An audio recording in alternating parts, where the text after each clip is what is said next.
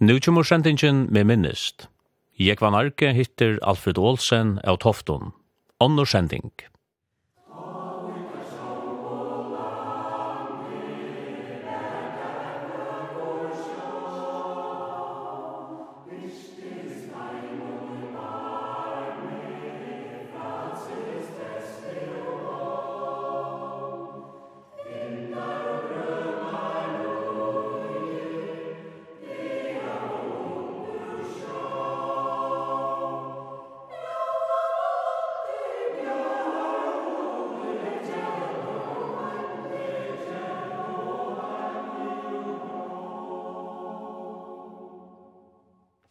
Alfred, hvat først du agera ta i sjåløve velius? Ja, ta i var gavst uh, a sikla, så fyrir jeg i handskola. Det var så løys at uh, skolen i Foglafire, som Johan Elentersen var skolasjør, ja, hei sett av stån og en handelsskola, kveldskola, i Foglafire. Og det var mitt i trusjonen, så ta for av handelsskola i Foglafire og tok handelskola til å være i halvfjers, og jeg minnes at ta i, vi skulle ta eksamen jo. Det var så forferdelig kæv. Så vi gikk med i parten av tøynen til Fuglafyrir, kjøkken kæva, og kist og så i Fuglafyrir, inntil eksamen i det han var litt nær. Det var så skolen i Fuglafyrir, hans skolen, og det var så byrjande til at jeg er etter for til København, Danmarkar, i handelsskolen. Jeg tjekka handelsskolen av Julius Thomsens plass. Og her tjekka så i halvfjers og en halvfjers, og vi var trutcher føringar som gikk og rockskaper dolten eller løyene i handelsskolen. Og det var Eifen Fere, Jørgen Gunnarsson og jeg. Og så tar vi kom etter om sommeren i en halv fjers, så begynte jeg å lære som bankanamiker i Sjønbankan 15. august i en halv fjers. Og her var det så tror jeg her, vi lære og arbeidde til 1924 som bankamæver i Sjønbankan. Jeg lærte i Ronavik. Her var Ditlev Røven, stjåre. Jeg var øysen i Foklafire. Og en av tog var i Havn, og en av tog var i Klaksvik, Sjønbanken i Klaksvik, han Michal Berge var stjør. Og en døylig tog, øyla fitt folk og donalig folk. Øysene tog det dreia seg om bankavirksemi og jokta penkar og la til folk. Øysene til virkir. Virkelig av donalig folk var det. Rasmus Olsen var stjør. Og du stående i familie, Ja, og i 2004 giftes vid Marion, slekt ur Søltafire, døtter Johannes og Nomi. De første årene bo vi i Søltafire, men da jeg var blivet skrivare, så flyttet vi ut i, til Saltnes, og her bygget vi stadigvæk. Og vi fikk fyra bøten. Trutja dronjer og en agent. Da jeg var seks år i Sjønbanken, i Runavik, luste Neskommuna etter skrivara. Åren til hei Ernst Hansen, som var bygdar oss formaur òsne, hei vi skrivare, men så blei Jekman Valdur og setter som formaur i kommune, og han sier det at jeg har ikke tog at vi er skrivare i òsne. Så da søkte jeg etter skrivare, og jeg søkte, og fikk jobb.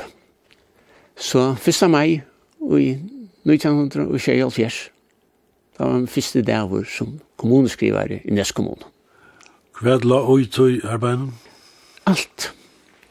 Alt som hørte til kommunen, altså for det første, så skulle man være en, en, skrivare tja formannen, man skulle være skrivare tja bygdarannen, man skulle være skrivare tja nevnten, man skulle være skrivare for uibyggvare som kom og en av gulvet, og ta kjørte nekk vel.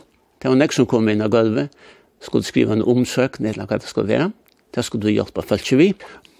Og så var øysene, ta var det bygdarøye, som avlukna i skatt. Så ta, ta skatten skulle avlukna, Det var en streven tog. Og så ta, ta i avlukna i var lio, så skulle man skriva en skattalista. Og han skulle skrivas vid hånd. Det, det gjør det. Og så skriver man tru øyntøk, Og de ble så lagt fram i handlån av toften, og det kunne skapa grunnlighet. åreskiftet, ta i folk kom hitja hvert og hver ønstaker her finnes skatt. Men det var åpe, og det ble lagt fram. Her er trett, så skulle man øsne fylja vi hvordan jeg epler ble sett nyer, og hvordan jeg avvokst det det. Så akvarien er så gikk rundt og til disse forskjellige husene, og spurte hvordan jeg epler sette ni, det kunne være halvtunna, det kunne være tunna, og hvordan jeg fikk det så oppbatt. Og det ble så lett til bonen var stående. Det var ikke skattet av det? Det var ikke skattet, nei. Men altså, alt mulig. Og et annet som øysene var galdende ta, og det var at eh, man hei skampna kort, rusreka kort. Så ta i are byrjaje, så var det flere som kom og få seg et rusreka kort. Og ta det så å si at det, ta skulle man ha avtalt skatten, og så var det for jeg kunne få lov til at løysa brennvinn ut. Det var øyta av tøyma tingene som var ofte i omvaren, at man skriva ut disse korsene. Andre kors som var galdande under kruinen, det var ikke galdande ta, det er vei. Og det fyrirtjekk nekka i kommunene? Ja, det må man si, altså. Nes kommune, det var en av de nødtjaste kommunene i fargen, ta. Og jeg ble kjølstøv i 8 trus. Jeg ble å at jeg at ta i Nes kommune for sumter. Og ta var det som søvann til Hassi Andersen. Den grymme Ellen, altså. Hon, hon var ikke, altså. Til den fortsatt løven, den første årene, var det knappar 400 000 kroner og nu i det er nekvar, nekvar, nekvar millioner. Og det var, var åndsjen, man hei, kai var åndsjen, vi tøtt og tofta jeg og så da kommunen var ferdig somtur, så får de holdt vi at gjøre kai inn i Anich. Men ellers var Neskommunen pur åndsjen. Og tog pleier samarbeida eh, Neskommunen vi søvna Kjasi Andersen, tog i det er hon av tøymon vekra så svennom at vi er kommunale økjen under først. Stora framgång av øtlen økjen. Jeg har lagt mest til at det er i øyren ekva kajer etter hon. Ja, jeg halte jeg vet kunne si at jeg at kaj økje av toften er skipa utrolig vel.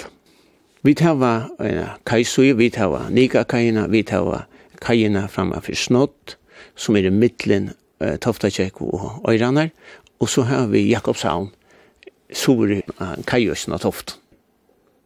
Og som, og som, det er alltid Jekman Ingvar Rådsen, han var eh, bygdarsmann. Leisa øyne sånn dette. Vi skulle ha en kajsøye som skulle brukast, og så skulle det virke som kom opp etter seg kajsøyene, skulle ikke være forstyrra av ferslo av ødne møvnesle. Det skulle være fri passasje, kajsøyene og virke de skulle ha frukt. Tui leier man alltid en køyre ved, atan fyrir virkene. Så det er at du kommer om man har kajina av tofton, så er det alltid en møvløyke fyrir affæra køyra fram vi allar kajsvine, atanfyr virkesbygningarna. Og det vil si at jeg forstyrrer slett, om nek fersle er her, så forstyrrer det ikke arbeidet mittlen virkje og kajsvine. Og det hadde er utrolig godt. Og så er øysene døyla rymlet i mittlen bygningene. Det kom i øyla vel vi særlig at man snakker om kassa kassamistøyene, man snakker om lendagamistøyene, man snakker jo om virkje snodd, man snakker jo om valhalla, og, og så nik. Og så det sesøgnas og ærene, så har vi bygd ut inni a ratt. Og her er så den nødja saltsønnen kommet, flott i havn og inn her, så vi er utrolig glad for det. Og nu skulle så flere visser kjerast her. Så kajene og vissene lykka som har haft en øl høyre prioritet i Neskommun. Tid uh, finke bægen, fiskemarknaden og kassamistøyene. Ja. Det var det kopp. Ja, det var det. Men jeg pleier å si at Luite Voitman kvært i at en bitching kan vi føre. For eksempel, vi finke fiskamarsnaden Men det var slett ikke bygd til fiskermarsnein. Det var bygd til nautavristje, som uh, tog veldig ikke klare i seg for å få litt. Og så stod en bygninger her, vi er en keiser i framafyrre, og tog var da laksmennene, særlig ur Østrøytene, som helt då, at fiskermarsnein, han skulle litja og toft. Så det som slett ikke var atlanen av begynner vi, det ble så til et veldig aktiv, øysene fyrer skip og, og visker i fyrir. Og det er en kassamistøy? Ja. Eh, den kassamistøyen kom i en bygning som var bygd utan nekka særligt. Altså, det ble en høllkjørt. Og vi til at eh, fiskamarsnaren kom av Tofton, og kassamistøyen la i Kvalvik. Og det var et krev at fiskeren skulle køres til kassar tog blev det at kassamissnen flytte ur Kvalvøy til en denne bygningen som var gjørt. Og tog er det en viss flow i vi tog. Altså, skip kom av land, da køyre kassar opp av land vi fisken og så var det tømmer røyna kassar og båret. Så det er visst flow i hans nærøtlen, som rikker øyla vel. Kan du nevne at det er virkene som er av kai og gjennom toften? Ja, hvis vi begynner her sorefra, så er det Kassamistøyen, så er Fiskamarsknavren, så er Bakkafrost nå kommet inn, og så kommer Visje Snodd, og så kommer Landingar Mistøyen, så kommer altså, til er Fagvor til Erlingsna, som kommer ur Norra. Det er en veldig bygning her, av Tofton.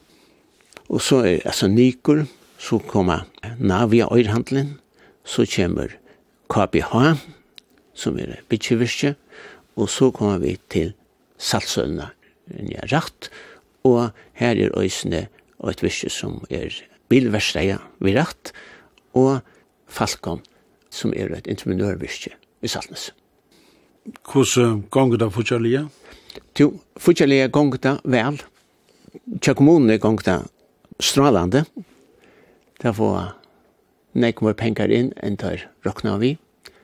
Falkatallet vekser, vi lytje i toppen av falkaveksen i forrige, og det er alltid stemmer mittelandet fra Skålagertunnelen. Og så er virkene som er her, kassamisten klarer det godt, fiskamarskene klarer det fint, og landingamisten hever ikke så nekva gjerra, som det kanskje yngst du har haft, Og så er det nikur, der er saltfiskur, tar arbeid, og så er det navia, bei viske og forretning. Han dora, Kristian dår, holdt utrolig vel, donaljur. Og så har vi KBH, som er det største viske som bygger hus og sår. Og det ganger fortsatt dem. Og så har vi bilversteget, som har nok å gjøre, og folk som er entreprenører, gjøre veier og sårt. Det har gongt av funt, og saltsødan har haft gauar. Så samanlagt, det er ikke bare godt for jørsen.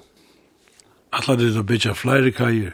Eh, ja, tøyr er i holdt vi at gjerra um, batahylen betre, og det her kommer eh, gråte kommer fra en utstyrking av svengaskare, og så planera der fyrir en utnaur økje fra rakt inn mot Saltnes.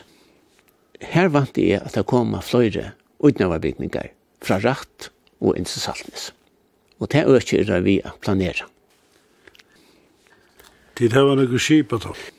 Ja, det er ikke så nek som det her var verre, men vi tar nøkker, vi tar kan i, og vi tar vi tar stepan. Så er det nekker ultrarabatter, og nekker båtar som er knutter eit økken. Men nei, skip er jo minka i. Nekk vi tale. Det er ikke så nekk. Hva er utbyggvingar hevd og annars?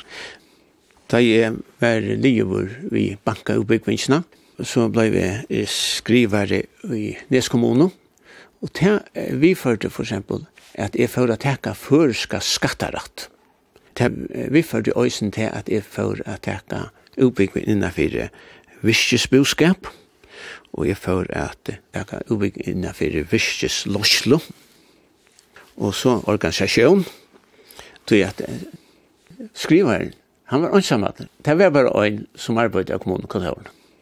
Så får jeg øysen til at teka, altså, hvordan man organiserer det, og så var det til at vi tøtta en kajfuda, han skulle så i sommerferie vi kvarst og sånt, så jeg tok høymaskipere prekv.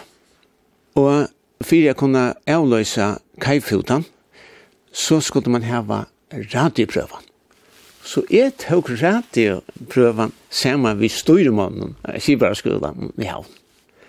Så tar jeg i kajfjotan for i ferie, så løste jeg av og kunne tåsa vi kipa. Så det var det som jeg mest fikk vi medan jeg var kommunskrivare. Og så får jeg og tok av Danmarks forvaltningsskole.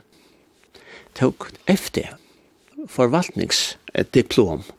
Og det er noe som heter allmenn omsitting. Det tok et halvt år. Var det nekva lærer her? Ja, her var nekva. Det var et strev i år. Men med damer så utrolig veldig gikk skolen Så jeg trofs vel, men jeg var i skola kvendan øynest av det, men jeg var her. Ånder som gikk i skolen, de tok åtte fag, eller tvei, jeg tok nutt. Så det var et strev i år, men det var virkelig godt år. Ja. Det var allmenn omsidning. Og to blest verande lunch i kommunen? Ja, jeg begynte 1. mai i 1926, og var skriver i Neskommune til 1. mai i 2012, 35 år. Så det er ikke litt til min at det er brøyt eller skift nek arbeidsplass. Men den brøyt ikke kom med en var skrivare i Neskommune, at jeg ble valgt innan løkting i 1998, 1998 av året. Og til vi førte så til at jeg måtte fære nye i Holvatøy som kom mot skrivare. Og det var jeg fra 1958 til 2012. Det var strevet. Det var kvar som man vet om at hvordan lønge man er, og når man er i løktingsnån. Det kunne være lønge det er. Så det ble nok så strev å være i barnstøv. Så kom jeg i morgen inn i underhuset, og så sier øyn vi med, det er forferdelig vinkelskølter du erst. Og så sier, hvor? Jo, Nu kommer du i noen bile, og han er ikke en Toyota. Han det er var i bilen hos konene. Og det kommer til at jeg har haft bare Toyota bilar siden i 1908 trus. Det er helt av er altså overfor ikke, nå skulle de komme vi har noen noen biler og ikke være en Toyota. Til at den søgnaste bilen, jeg har der alltid gjør det lunsje, og den søgnaste bilen som jeg er, det var en Toyota, arbeid i havn, arbeid i løkningsen, og vi sette kost 500 og 35.900 kilometer. Det vil si at vi sette kost godt og vel fyrstaferna rundt verden. Vi sette bilen, han ble gammalt han, så, og jeg skriver opp for jeg bunkring, hvert oljeskifte, kvart kilometer vuste, da jeg kjøpte bensin og, og kunne snakfeste etter det ned ødels i årene, så var det og jeg skal komme trutja kilometer i kors og på liter.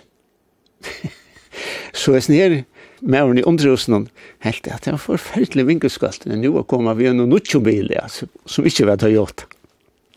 Så jeg ser det under i noen, da kunne vi nok så spørsmål i kvart. Det platt jeg være nekve skibafersla av toften. Ja.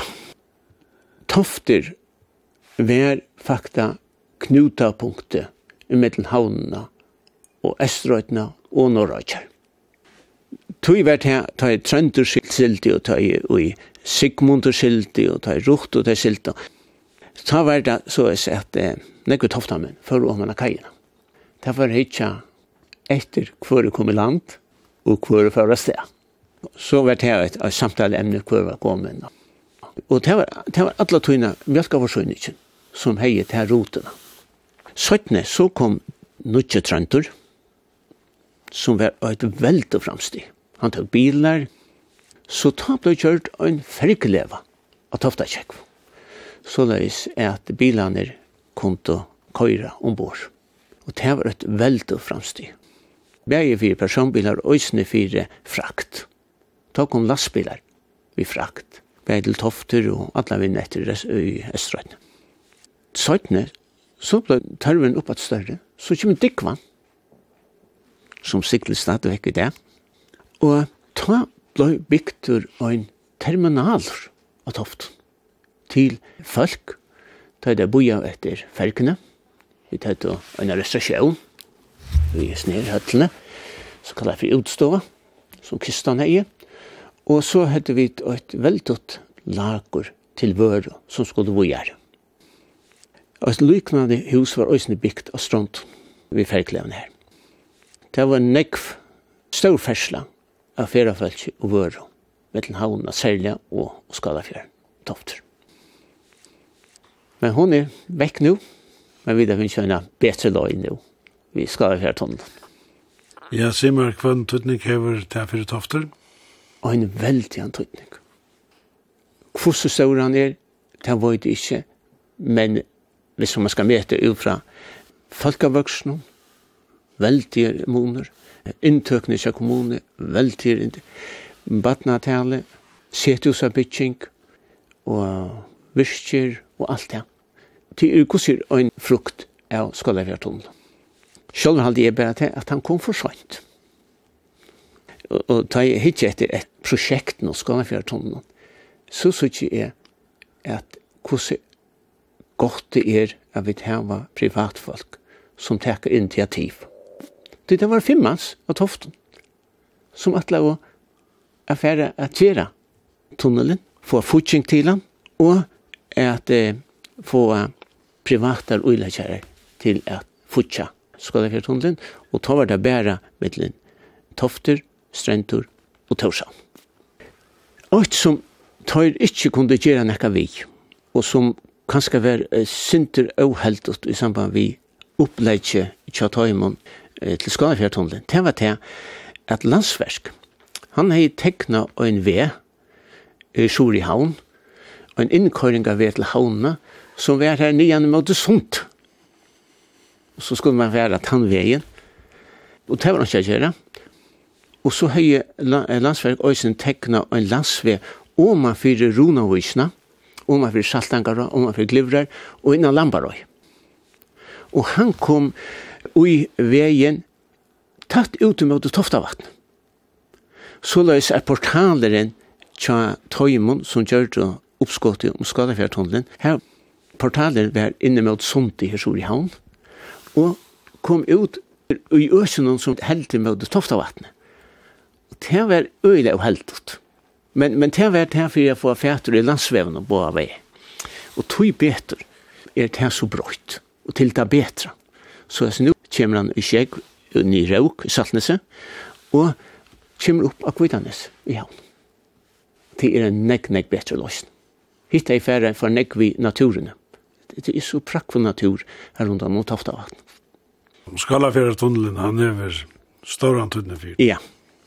Atlanen tja tøymon, det var at han kanskje kunne være tidsen i bruk i 2011. Men det ble så forsinket nøkker år. Og så ble det politisk, og så fikk vi et øysene knutt sandet av tunnelen og påk. Til er en, en fin løsning til at det Sandia tunnelen, altså fersland til Sandia tunnelen, hei vi så lytil, men vi til at nå han knutter at det er samme som vi er nå. Så norska vi nu kjøtt har 6000 bilen om døgnet. Jeg skal ikke tull. Du, et uh, avtak uh, at hoften vær fyrir noen annen så gjerne svenkaskær. Ja, svenkaskær til, til okkara sted. Vi kvørst er det tiltøk som gjør at det at det kommer noe godt bort til ord. Førjer hadde bjør seg fram til at det var åkja løsner og nødgjefors. Og nekva tog som skulle genga fram, det er tjekk fyrir seg i haun, men så skulle det var fralsan uidrott. Og så var det bli åtta trus, som gjør det av, at det vil jeg vite, og at jeg gokk. Og tar antøk seg her, at gjøre eh, rennebreiter, kastegær, kulekast, og at alle sier til fransan uidrott. Og det får alt i gongt alt som kunde genka for i, i, holdt vi å gjøre svengaskar. Så det, det var et fenas prosjekt for alle tofter. Menn og kvinner og bødn og eldre folk. Og ta i åtjaløysene byrja av å ta var svengaskar livet. Rennebreiten, hon skal være rei. Og det var så, så tog at aggregatet som var lagt at det, det var lita ta i det kom. Ellers er vanligt at det sprøyta det. Men det er helt til at hvis det får sprøyta det var sånn ekve vinter, så, så ble alt rett rundt om. Så aggregatet er rett alt som det er. Og fyrir jeg kom nian av svengaskar, så måtte kommunen gjøre en ve. Og tann veveren, han stod livor, ta i økjaløsner, byrja av, nødgjfor. Og tja mer, min oppgave var kvann morgon, at henka ötelse fløtjene opp fra fergelevene og så inne mot Nietzsche. Det er en rikve av flaggene, altså. Jeg henger opp om morgenen og takker nye rett om kveld. Så det er svenga skærre over et sted som er samlokken, helt utrolig enn jeg. Og her er hent mer så jenta? Ja, nek mer. Ta er det da et hus som blir åttro tjeje, som nu er en badnagerer. Så gjerne har vi finnes jeg græsløyke, anera vøtle, Og så har vi dette veldige eh, stadionøkje som er av overabøtle. Og det kom jeg til at førre hadde kjørt av, at nå skulle vi være og i alt kjøva fotballt. Og vi tekna åkken til, og førre så til, vi tatt omgang heima vel, så vi var til Svørisje, og spalte okkara fyrsta dist i Svørisje, og vunno. Og ta blei vi krev, sjolv han skulle heima vel, Vi svør ikke. Vi skulle heimavall heima tjokk sjolv. Og så var det at det trus, som trekka i til, falskja av tofton, kommunen, og gjørte svengaskar. Og ta var det græsvaller, altså. Og, og græset det blei innflott. Det første årene var så græsvaller. Men græsvaller i fyrrjum er ikke så vel egnet. Vi tette en græsvett i Kvalpa, og så òsne her vi lærerskolen i Havn, var òsne, som græsvett. Men, men græset vekser ikke så vel i fargen, og tåler ikke så nek trakk, så leis at det, han skulle ikke brukes for nek.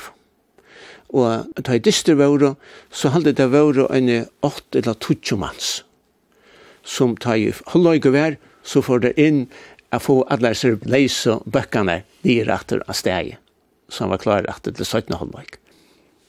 Men eh, det ble så skift ut til nå var det godkjent at man hever avvisa kunstgræsvødler som Lukas alt som var krövna. Og det er ikke gaffult. Men det var ett öjligt här att få kjørst handaparsten nesten. Ja, det var et, et, ett, ett rymmartäck alltså. Och så öjliga, öjliga, fortfarande krävjant. Det fikk vi ta over akkurat kreditforøyninger bekjente av virke forrige. Det her fortsatt også med i parten av arbeid. Men eh, så var det troblare at eh, betala land i atter. Så her ble en saneringsløsning eh, funnet oppe etter skuldene.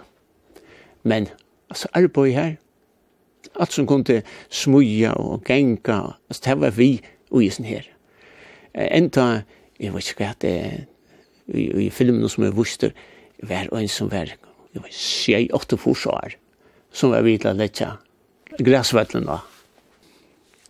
Jo, det var et veldig takk, men det viser seg at det, det som de her i Øsene har sett seg fire, det klarer de Øsene å gjøre. Så hadde vi et fullt fotballslig, som ble førre tror jeg her, og det var bare lokaler spelare för det mesta. Och det appellerar i ösne till det gode som tar blev i av toft. Du nevnte at du blest valder inn av løkting. Ja. Og sast her noen år. Ja, nok som jeg var. Det er tofft om det, det er synter gløsot, så er at jeg held at ja, nå ble jeg valder, og det var en arvor som hun fikk. Ja. Pappi han er veri laksmauer fra eh, 1940 til 33 til han døye. Fra 1940 og til eh, oppstøtningen av valet til 8,5. 1958. Var Jekvan, Ingvar, og sen Bortsmoen. Han var lagt som laksmauer. Og så heldte det, ja, nu arva jeg bare den her sessen. Men, men til åndsjen må jeg skaffe den til han. Ånden arvar nekran sess i laktøysen man blir valter her. Men jeg stilla jo opp, og ble valter til valgje i 98, og sett her ødelårene til 2015. Da ble vi ikke valter, men kom inn i løkningen til duger som vera med oss.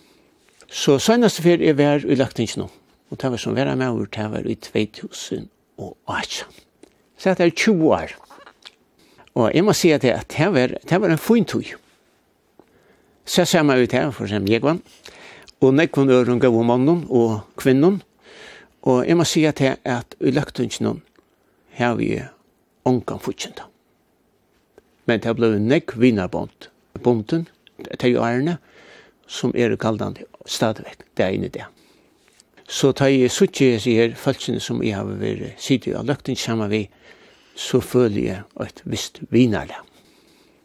Jeg halde at de som er her, de er donalige folk, røsk, teka sin oppgave seriøst, og vilja gjøre det beste som de vet om, eller kunne umynda seg.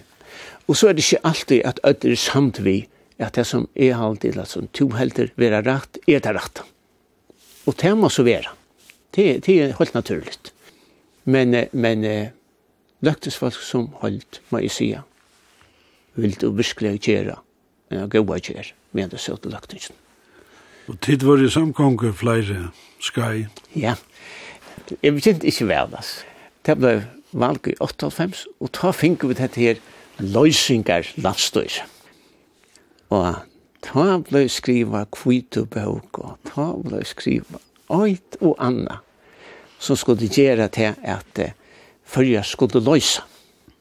Og vi finko en løysing av høgne blei han som skulle skilpa fire løysingene. Det var en dag, jeg sett rundt det her, og i mai, ta røst rundt fyrjar, vi er så kvitu bøk som viste fire måneder og vansar, og hva det kommer merskja, og Man snakka jo om en skiftestoj og alt det her. Så får det nyer. Det gick ikke så som prester i praktika. Det blev ungen lösning. Och kvidebok, man høyde nästan inte till henne. Men, men det var ett störst bøkaverk som skulle lysa stövna til følge som köttstövn. Jeg satt at en nevnt som arbeidde vi en grunnlov. Hun kom så omgant. Det var, det var fra 1998 og så til 2002. Så var jeg latter, og det var det som og som kjipa og landstyre. Men hun slittna i så i 2004. Og fra 2004 så hadde vi et veldig godt vel i sammenslåsken. Men, men vel det, det var ikke så godt som forsaknar, hadde sagt. Så løs er at det ble tidlig som at vi hadde vannet vel. Og da vi førte til er Lisbeth Petersen, hun er fra seg som forskvinna i sammenslåsjen. Og vi til at jeg var nastformaur i sammenslåsjen, så var det jeg som underskriva i samkongeskjæle i 2004. Og så søgte vi i samgången, alle disse årene, bortsett fra nøkron måneder, ta i og i kjøvelde var inne, sammen med Jan Olsen. Men det har stittnet så kjøtt. Så jeg begge oppleva å sitte i anstøven, og det er ikke lagt, ikke stått litt, heller. Det man skal gjøre et arbeid, man skal gjøre seriøst, og man vet det, at uansett hva det kommer vi, så vil det ikke samtidig. Men, men det skal ikke fore for at man gjør et godt arbeid. Og så, da man så sett i samgång så kunne man mer bestemme hva det skulle føre kjøkken og hva det ikke. Hvis jeg minnes rett, så var det ikke alltid lykkes samtidig i samgången. Nei, nei, nei, nei, nei. Det var det ikke. Men det er så. Men uh, jeg halte at uh, samgången ble så gruva stør, og vi halte vår øyne 20, og det er vi først til at uh, personer kunde hava sin ekno mening utan at det gikk ut iver sjálva samgångna. Og et annet som er veri motor det var oppskott om at fyrir skulle gjerast til åkt veldøm. For eksempel, Edmund og, og andre i samfunnet, det var fire at kipa fyrir som åkt veldøm. Og vi hadde fire dømme, det var i Grønland, her til åkt veldøm. Og det var fire at släppa undan er snill lokalpolitikken. Jeg var imot det. Så vi er i tingene bare bunden av okkara egnu sambesko. Jeg var bensje fire at vi i stedet fingre tjei lokaløkker, folk som omboer sier tjei veldømne som var rundt som de var valgt i, finko 32, nei, 31 veldømne, det vil si hvor ønstak personer i komme å en ombudsmann. Vi skjøtt vel det. Men nu kunne jeg være en ombudsmann for alle følger. Og det her kjer til at jeg det at det var negativt. Det skulle ikke vi komme. Og jeg løsne på trobløkene vi mandat bytte noen. Vi tar mye i veldømmen. Men det ble så, og det er stadigvæk. For det er et veldømme. Vil det være et veldømme? Det er nekver som sier til at det er ikke rett. Og halda til at man skal vende atter til at velja folk i veldømmen. Men, men øyt er at man hever samøyningsene, men så tar det skal vidtekast i løktingsene. Så stender møyra. Og så er det et tro på tropla sier.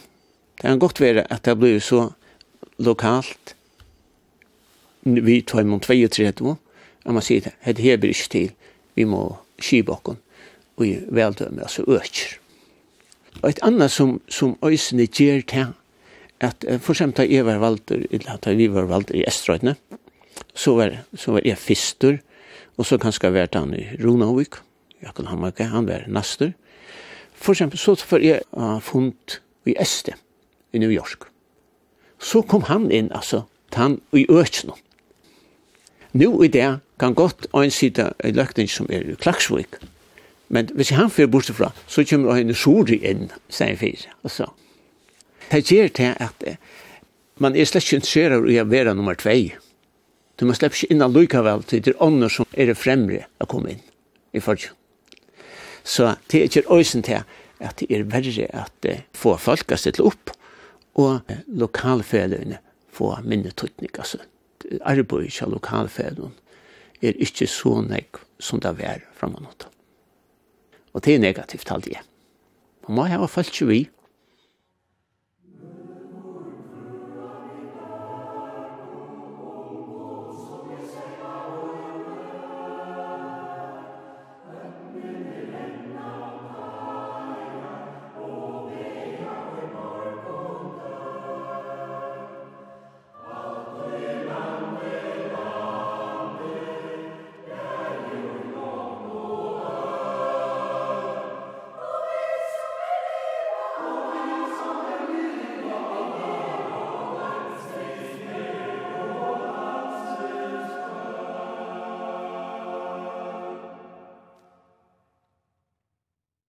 Hatta var sendingen med minnist. Jeg var narke hitte fyrvirande løktingsmannen Alfred Olsen av Tofton. Hetta var under sending.